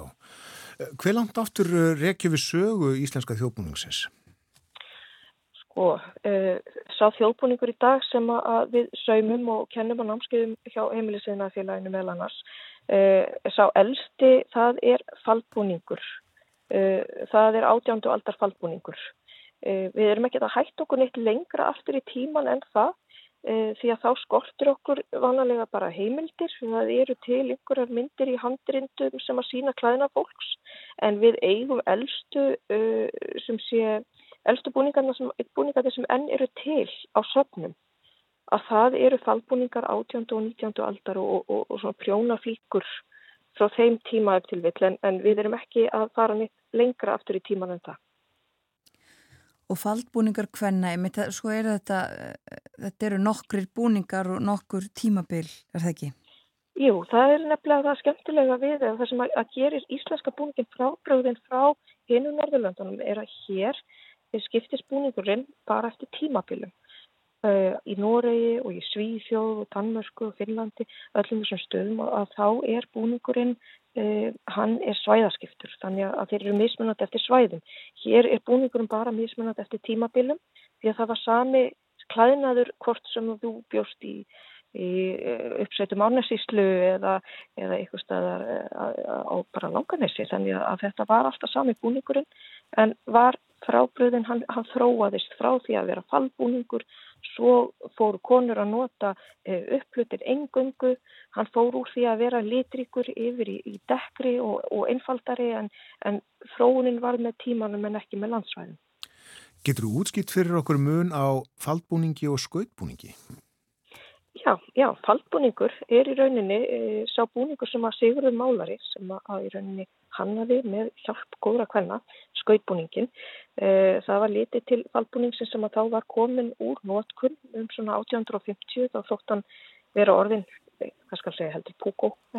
Þannig að, að Sigurði og, og, og, og félugum hans og vinkonum fannst vera e, komin tími til að, að búa til nýjan hátíðarbúning, flottan búning við hátíleg tækifæri og sem hægt verða að dansa í þannig að e, þið sjáu þennan stutta jakka sem er á fallbúningnum hann var lengtu niður, það er sniðið er rauninni tekið af peysuföttum en skreitingarnar eru teknar af fallbúningnum um, og svo breytist náttúrulega höfubúnaðurinn Um, kannast þetta vel margir við að hafa séð á 17. júni konur í faldbúning sem eru þá annarkort með krókfald eða spaðafald en hann er faldurinn höfubúnar hann er ögn minni á, þarna, á skautbúningnum og er með þessu fallega þessari fallegu blæju líka Já. slörinu Já.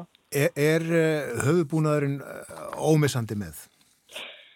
Já, mér finnst það Ég, þarna, ég gef engum illt auða þó að, að skotthúar sé ekki með en auðvitað máli vera að, að höfubúnaðurinn hann, hann hefur svo mikla merkingu. Skotthúar, þetta er svona, hvað skal segja, aðalsmerki íslenskara kvenna. Mér finnst, mér finnst að skotthúan sé ómissandi. Já. Og að sjálfsögðu ef þú ert í, í skautbúning eða ég tala um ekki um faldbúninga að þá er voðalega gaman að vera með aldrei svona skríti höfufatt sem allir takk eftir. Þú fær ekki fram hjá neina Nei, einmitt. Og þetta er auðvitað mjög óönlegt við erum ekki mikið hattafólk í dag? Nei, sem er kannski synd að því að þetta er voðalega skemmtilegu fylgjulutur að vera með eitthvað á höfðin Sammála því En uh, peysufötin, þau eru þetta allt annað þó að þetta sé kannski fyrir sumum einhvern veginn uh, allt mjög uh, svipað og, og líkt og þjóni sama tilgangi en peysuföt voru, hverstars klæna eru það ekki? Nei, nefnilega ekki. Þau það voru það ekki? Það voru, spa, voru sparklænar. Þau voru sparklænar? Já, sem að, manni finnst um þetta undarlegt því að það er svo mikið meir, meira silfur á, á upplutt Þannig að maður, eh, maður hefði mitt haldið að, að uppflutur hefði verið svona spariklæðnaður en, en nei, nei, ömmur okkar og langömmur, þær voru á peysufötum á sunnudögum og svona við hátileg tækifæri. Já, já, já, já. En hvenar voru þær þá í upplutnum? Hvernig var þessi skipting? Upplutur eh, hefur alltaf verið svona dags, þessi dagsdaglega flík. Eh, fyrst í, eh, þegar konu báru faldbúninga þá var eh, uppluturinn hann var bara innan klæða hulin að hluta til af jakkanum eða treyjunni og, og svo voru konur uh, bara svona hverstagslega í, í upplutt en, en peysufötin urðu spariklæðinari. Þetta vissum við ekki. Mm. Eins og hlustendur hafa átt að segja á. Hverju klætust karlarnir þegar konurnar fóru í þessa búninga? Það er nefnilega, það er annað og flóknara dæmi því að um, það, e, það eru náttúrulega til e, varveittar flíkur eins og þjóðminnisafninu af, af karlmasslæðum en þeir voru margir hverjir meira kannski í, í þessum íslenska þjóðbúningi sem við þekki í dag þar sem það eru stuttubuksutnar og, og það er þetta yllar klæðisvesti og, og þeir eru með skottúður mm. en þeir voru margir hverjir líka í bara í það sem að maður myndi kannski kalla dönskum klæðum í svona meiri tísku fatnaði. En það höfðu eh, karlatnir sem er hverjir þessir eh, svona ennbættismenn og svona þeir höfðu meiri tengingu við útlönd og, og, og kannski þarna e, voru meira að eldast við alþjóðlega tísku, ég veit ekki, allir þessi dönsku ennbættismenn og svona, Já. en konurnar hérna á Íslandi, þær e, lengst framann að þær bara sköpuðu sér sína einn tísku. Já, akkurat. Kristín Vala, hver, hvernig metur stöðu íslenska búningsins í dag? Ég held að hún sé bara góð. Við sjáum það á, bara, á því hvaða er mikil ásókn í námskiðin okkar. Eh, það er mikil áhugi fyrir því að koma sér upp eh, þjóðbúning. Þetta er eh, koma annarslægið upp svona umræður um, um hversu aðgengilegur þjóðbúningurinn er því að um, það er faktist séð dýrt að koma sér upp þjóðbúningi en uh, þú, ert, þú fær það sem þú borgar fyrir. Þetta eru góð efni uh, vönduð sem að munu ekki bara endast hér heldur börnunum þín uh, í framtíðinni. Þetta eru erðagripir sem að maður er að búa til. Já, búningarnir hafa gengið millir kynsluða. Já, já. Og það er hægt að læra þetta eins og segir, þið eru með námskeið uh, þar sem að hægt er að læra að, að sauma og, og gera þjóðbúning en uh, svo er líka hægt að uh, fara í sérstök námskeið uh, ekki, fyrir svona aðra hluta þar að læra um víraverkið og, og fleira. Já, já, sjálfsögðu. Það er að ef maður ætlar að koma sér upp búningi og hafa hann vel skreittan að, að þá er gott að, að sækja sem flest námskeið og læra að knipla til dæmis, að gera bundur, að baldýra, blómstursaumur, það er, er flauelskurður og sjálfsögðu výraverkið þannig að þetta er þetta verður ekki bara á einhverju flík þetta verður á svo mikilvæg ástriðu og, og þetta opnar fyrir manni svona nýjar vittir í, í, í hvað skal segja í handverkinu. Já, hvað er þetta nokkur ásverk? Já, ég, ég myndi segja að, að, að vel skreittur fallbúningur getur tekið alltaf þrjú ár ef þú, ef þú lærir allar skreitingaraðferður og beitir öllum skreitingaraðferðum að þá getur þetta tekið alltaf þrjú ár. Já. Hefur þú gert þá margar sjálfbúningana, þjóðbúningana? Herri, já, ég, núna sem stendur þá er ég ég er í fallbúningi stend hérna fyrir utan héraskólan e, í Reykjóldi e, þar sem að fyrirlestrarnir fara fram og ég er í e, sem sé fallbúningspilsi dóttur minnars, e, hún ferðis í fallbúningi, svo á ég minn eigin fallbúning Ég hef saumað á þær báðar dætur mínar 19. aldar uppflutti, ég á 20. aldar uppflutt, ég á dagtegin. Þegar maður byrjar það er erfitt að hætta. Ég sá viðtal við því á, á MBL í morgunblæðinu fyrir um það byrja einu og hálfu ári fyrirsögnu var, var orðin ansi djúft sokkin í handverk. Já, ég, ég, já, það er aðna, e, ég, þegar ég skráði mig á námskið og ég byrjaði á faldbúningnum mínum það var ekki aftur snúið. Þetta er, þetta er svo skemmtilegt og þetta er svo gefandi. Ég tala nú um hvað félagskapurinn er skemmtilegur uh, og, og þessi tenging sem að maður fær við formæður sína sem að mér finnst líka svo dýrmætt. Þegar maður situr og saumar og maður veldur vengum yfir því hvernig ætli uh, uh, faldur formóðu minnars hafi verið. Hvernig, hvernig ætli hennars búningur hafi verið skreittur sem að þá í þá daga var náttúrulega bara hverstasklæðinar því að konur voru í fallbúningum alla daga. Já, auðvitað það sem við hér heldum. En hvaðan er, er þessi áhugið þinn komin? Ég hef alltaf haft handverks áhuga en, en og, og kannski hvað skal kalla það? Áhuga fyrir lífinu í gamla daga. Var, eh, þarna svo var ég stödd á, á handverksáttíð og þar var heimilisviðnaðarfélagi með kynningu á búningunum. Og, og ég sé þar búning félagsins, fallbúning heimilisviðnaðarfélagsins. Og ég segi við þáverandi formannin hanna Sólögu Teðadósdóttur að einhver tíman einhver tíman langi mér nú að sauma búning en hún saði þá við mig einhver tíman, tímin er núna þannig að ég skráði mig og hef ekki litið tilbaka Og þingið eh, síðustu daga það hefur verið gott og gaglegt? Þetta er búið að vera alveg stórkoslegt. Það er náttúrulega Reykjolt er bara einna fegurstu stöðum á landinu verði að segja.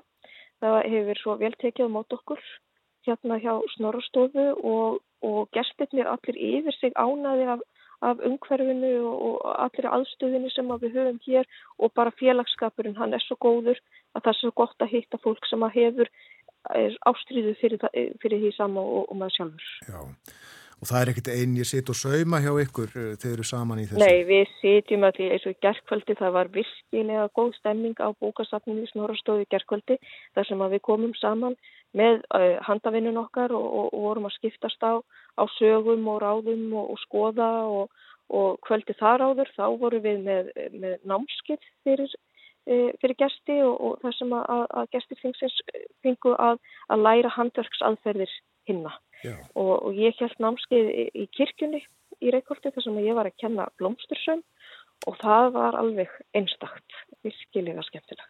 Og hvað er að daskan í dag? Á dagskrunum það eru fyrirlestrar. Ég stend hérna úti og, og er að missa fyrstu mínútum e, fyrirlestrar að Hákons Lippi sem að er að tala um kjólvaskan sem að er skemmtilegu fylgihlutur við, við sænska búninga. Þetta eru svona lítil veski sem að, að eru borin við þeirra þjóðbúninga og það verða e, fyrirlestrar fram eftir degi. En svo ætlum við að klæða okkur öll upp í þjóðbúninga og hittast klukkan 5 öll saman og eiga skemmtilega stund, stíga jáfnvel dans og, og, og borða svo saman hátíðar kvöldverð. Í hátíðabúningum? Akkurát, það verða allir á búning hér í kvöld. Hljóma vel. Það var gaman að spjalla við þig. Þakkaði kellega fyrir og, og njóttu dagsins. Já, þakkaði fyrir sumu leiðis. Kristín Vala Breðfjörð, hún er formaður heimilis yðnaða félags Íslands. Norræna þjóðbúningaþingið í Reykjólt í Borgafyrði. Og uh, hún sagði að það myndi líklega stiga dans í kvöld. Við ætlum að hlusta á lag. Líklega verður ekki stígin dans við það uh, í reykvöldi í kvöld en hvað veit maður? Something's gotten hold of my heart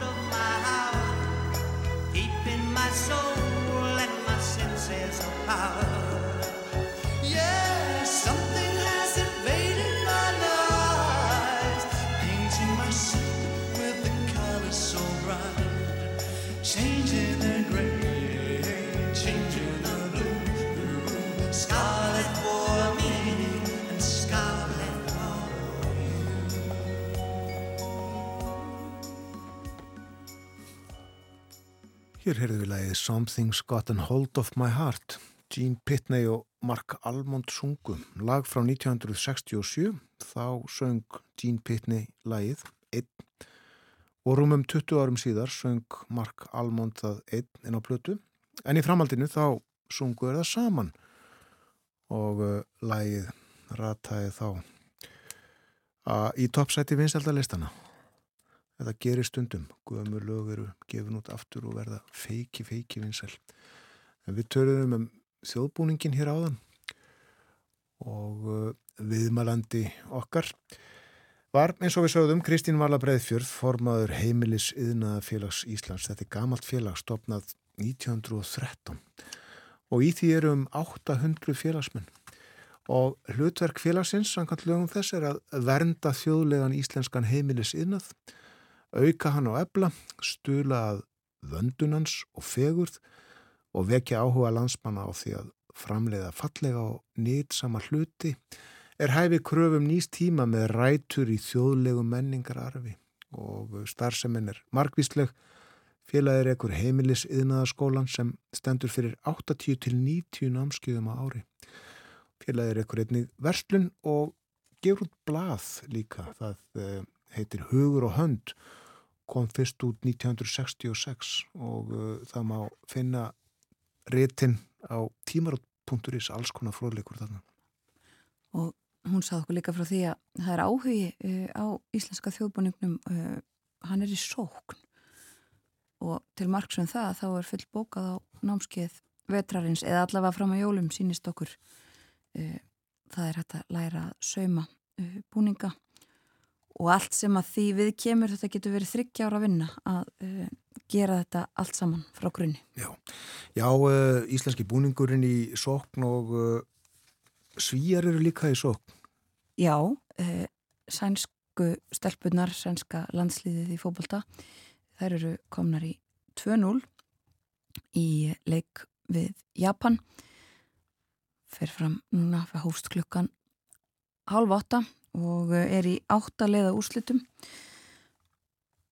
Svíjar uh, komust í 1-0 eftir uh, um það byrj 20 minna leik eða svo og eru núna komnar í 2-0 Þetta er setni leikurinn í dag þessi skrítnið þetta tími um, og svo eru fleiri leikir um helgina. Já, stóramálið í fókbóltanum ennska úrvalsteldin byrjar í dag en stóra stóramálið er byggarúltaleikur kvenna á lögadalsvelli klukkan 7 uh, Víkingur breyðablík. Já, og uh, stefnir í áhörvendamett, uh, fínasta veður líka til þess að njóta fótbolta en svo fyrir þau sem ekki komast þá verður leikurinn síndur á Rúf.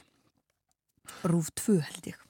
Töluðum hér uh, áðan um sólargangin, uh, Sævar Helgi Bragason var hjá okkur, uh, spurningin var hvena förum við að vakna í myrkri, það er enn eitthvað í það, svo er þetta, spurningum hvena fólk vaknar almennt á mótnana, en þetta var auðvitað svolítið snúið, mörg hugtök í þessu og já, undir eru miljónir ára. Vil maður endurleika þetta eftir kvöldfréttinnar í dag, fyrir af stað hálf sjö? Fyrir fólk sem vil glöggva sér betur á þessu en við þökkum fyrir samfélgina í dag hér á morgunvaktinni. Góða helgi og verðið sæl.